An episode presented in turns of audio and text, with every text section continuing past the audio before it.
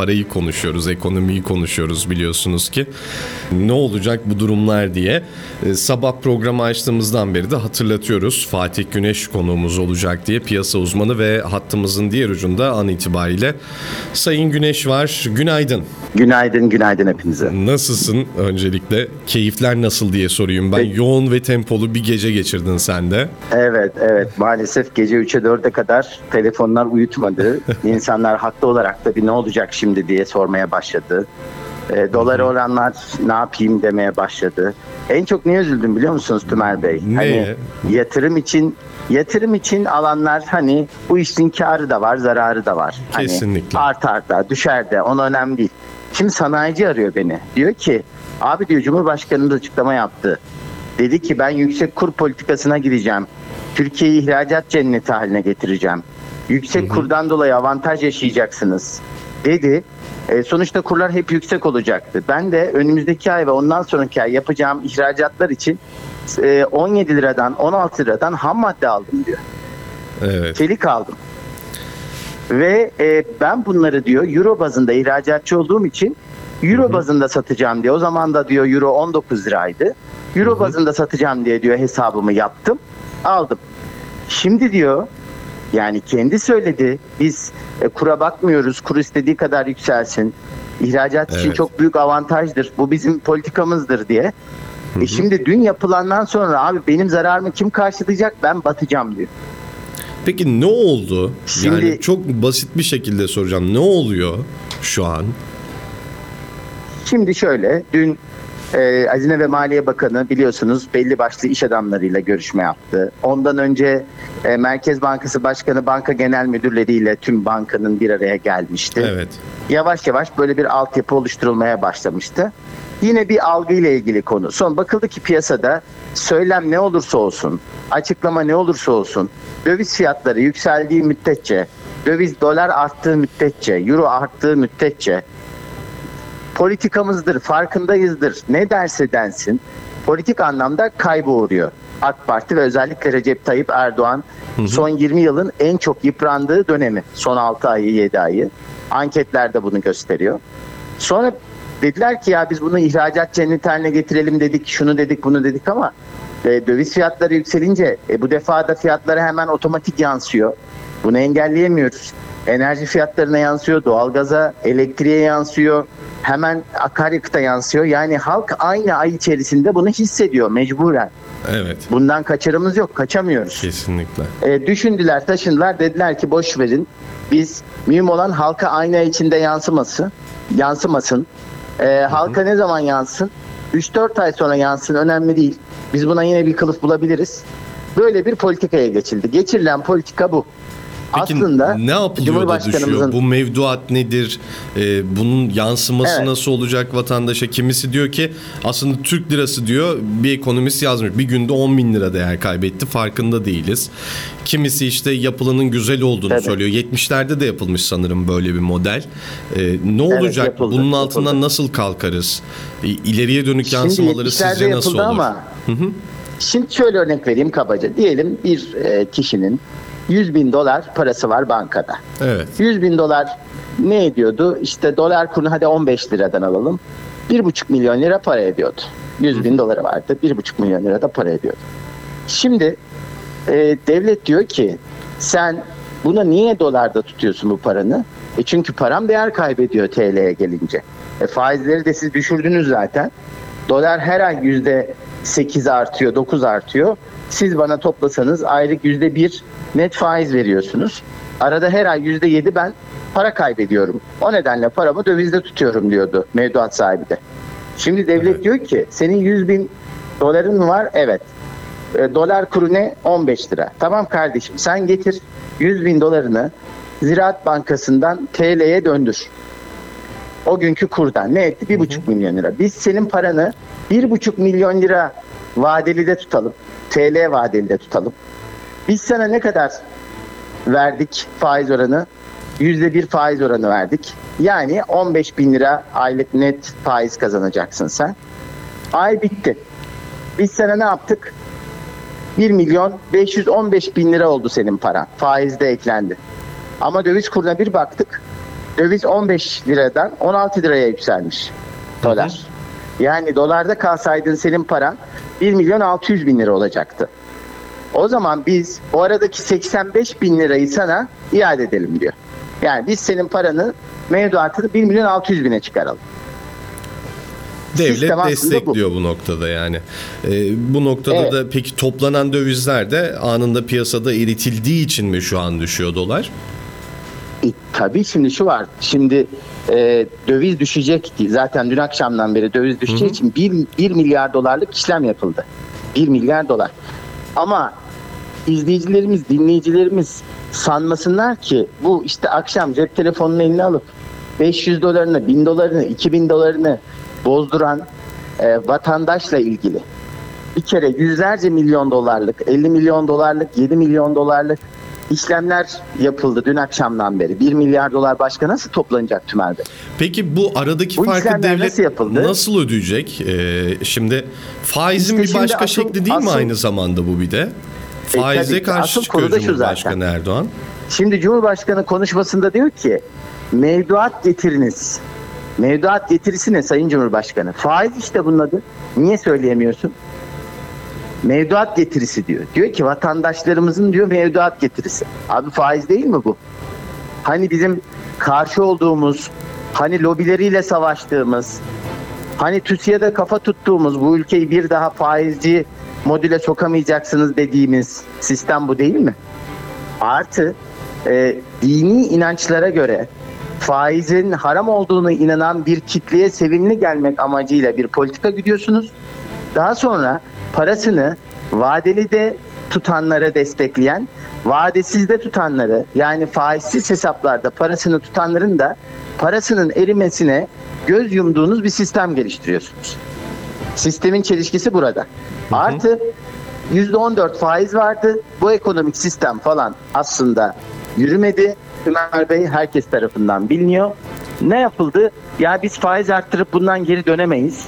Artık ben bunları söyledim. Bundan geri dönemem dedi Sayın Recep Tayyip Erdoğan.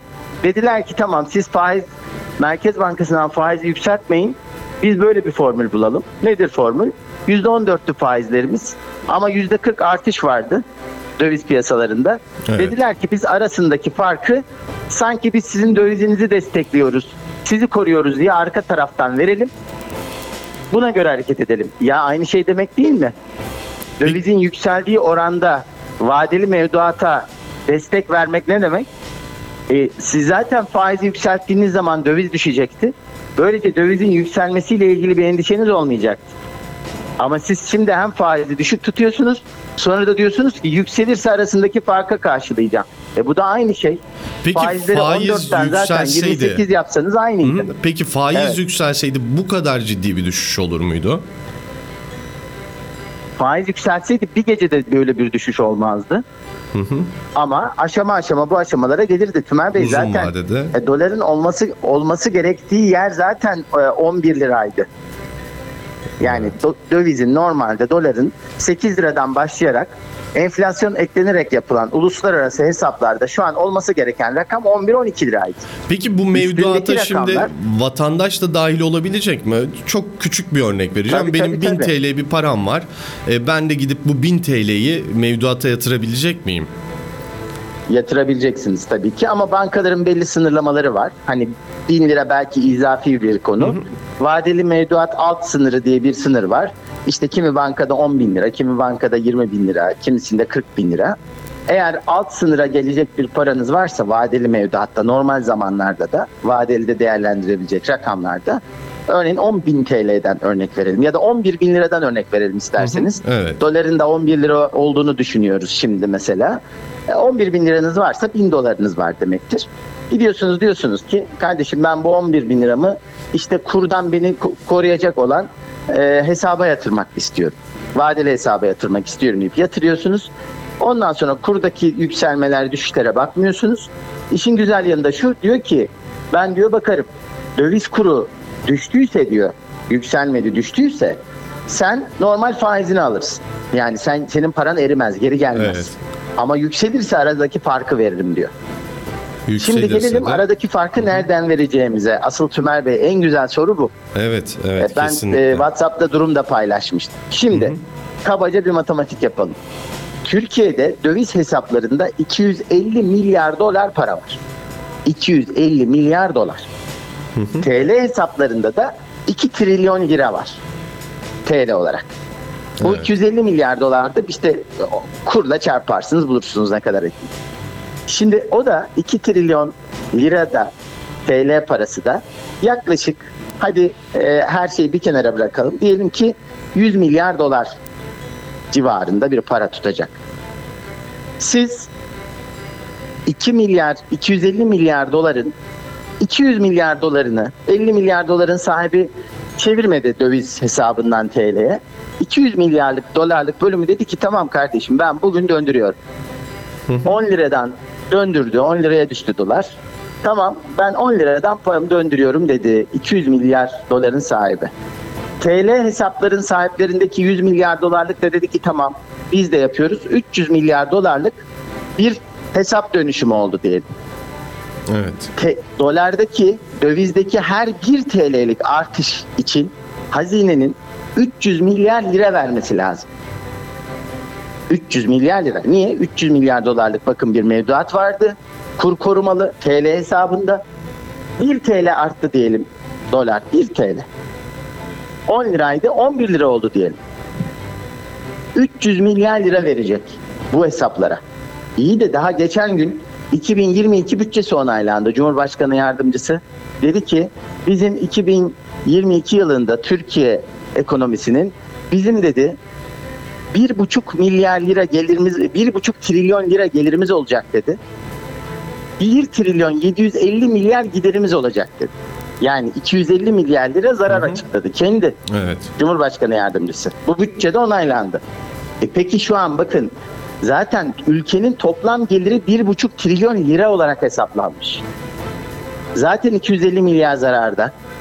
Yılda sadece 3 defa döviz 1 lira artsa, bakın yılda 3 defa 4 ayda bir 1 lira artsa hazinenin 900 milyar lira ödemesi gerekiyor. E bunun kaynağı nerede? Ya bu karar açıklanmadan önce zaten biz 250 milyar lira zarardaydık ve toplam giderimiz 1 trilyon 750 milyar liraydı. Ona 900 milyar eklediğiniz zaman ne olacak? Tümer Bey bu ne demek biliyor musunuz? İzleyicilerimiz, dinleyicilerimiz şunu anlasın. Zaten enflasyon yükselecekti döviz kurlarından dolayı. Şimdi döviz yükseldiği için yükselen fiyatlar şimdi de TL konusunda TL bolluğu, TL arzı nedeniyle yükselecek. Çünkü hazine bunu karşılayabilmek için mecburen para basacak. Bu da enflasyon. Böyle bir para yok çünkü ülkede. E para bastığınız zaman bu defa döviz ha dövizden artmış fiyatlardan olmuş ha para arzını yükseltmişsiniz. Siz paranın kıymetini düşürmüşsünüz. Bu olmuş. Bu arada uluslararası piyasalara bakıyorum sabahtan beri, dün geceden beri. Hı hı. E, Türkiye'nin CDS primi dediğimiz o güvenilirlik priminde hiç düşme yok. Hazinenin 10 yıllık e, hazine bonolarını, bono faizleri yine 21.43 yine düşme yok. Bakın bu karara rağmen. Halbuki bir gecede %40'tan fazla düşme var bakın. Buna rağmen uluslararası piyasadaki TL'nin pozisyonu değiştirilmedi.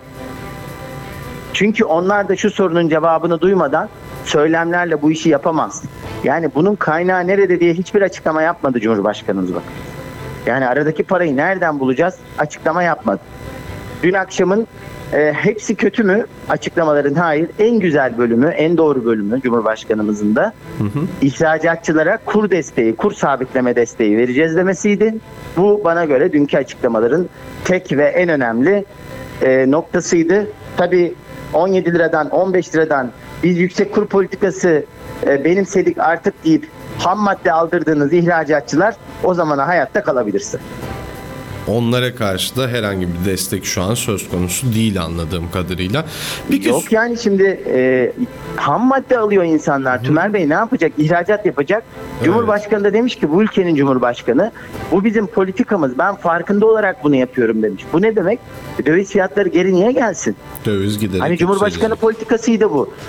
E tabi hani üretim cenneti yapıyorduk ya biz. İhracat cenneti yapıyorduk Türkiye'yi yüksek kurdan avantaj sağlatacaktık. Peki sürpriz Bakın, değil de bunu biraz daha düzenli desteği... yapsaydı? Hani bir, bir sürpriz oldu bu herkese. Böyle bir şey beklenmiyordu. Ee, bunun sinyallerini daha önce vererek bakın, yapsaydı. Tabii bu açıklamanın açıklanma saati bile çok e, manidar. Yani niye akşam saatinde açıklıyorsunuz bunu? Çünkü piyasalar kapanmıştı. İşlem yani gün içinde açıklasanız gün içinde birilerine şu sorunun cevabını vermek zorundaydınız. Ya bunun kaynağını nereden bulacağız? Hazine bunun kaynağını nereden getirdi? Bakın siz mevduat stopajlarını kaldırdınız. Dediniz ki TL mevduatta ödenen senin karından elde ettiğin ben vergiyi kaldırıyorum dediniz bir. E, üç gün önce asgari ücretten aldığım vergiyi kaldırdınız dediniz. Bu ne demek? Türkiye'de yılda 70-80 milyar liradır asgari ücretlinin üzerinden alınan gelir vergisi. Bunu da ülke olarak almıyorum dediniz. Hükümet olarak. Peki. Sonra vergilerde de düşme yapacağım dediniz. Tamam. Damga vergisi de almıyorum dediniz gelirlerden. Yani devamlı normalde topladığınız vergilerden gelen parayı bir kenara bıraktınız destek mahiyetinde. Üzerine şimdi bir de bunu açıkladınız. Bunun kaynağı nerede Tümer Bey? Hiç kimse kaynaktan konuşmuyor bak. Hiç kimse konuşmuyor. Yine e, Cumhurbaşkanımızın muhteşem, gerçekten çok takdir ettiğim, beğendiğim bu halkı çok iyi bilen ve algı yönetmeyi çok iyi bildiğini tekrardan gördük. Sosyal medyanızda bakın Eylül-Ekim ayından beri sesi çıkmayan bir paylaşım bile yapmayan başlarına toprağa gömmüş insanlar evet. e, Cumhurbaşkanı fotoğraflarını gömdükleri yerden çıkardılar. Zafer naraları atarak mehter eşliğinde paylaşıyorlar şu an. Kesinlikle çok Zaten doğru bir tespit. ulaşılmak istenen evet ulaşılmak istenen nokta buydu. Bütün sosyal medya naftalin kokmaya başladı. Kesinlikle çok çok doğru bir tespit bence. Ee, sosyal medyaya girdiğimizde bunu görebiliyoruz. Sayın Güneş e, bu konu e, saatlerce konuşulacak bir konu e, ama açıklamalarınız da gerçekten vatandaşın anlayacağı şekilde e, bütün mesele bu. E, uzmanların birçoğu maalesef bunu yapmıyor. O, o dili çok güzel yansıtıyorsunuz. Çok teşekkür ederim e, detaylı paylaşımlarınız için. İyi günler diliyorum. Hoşçakalın.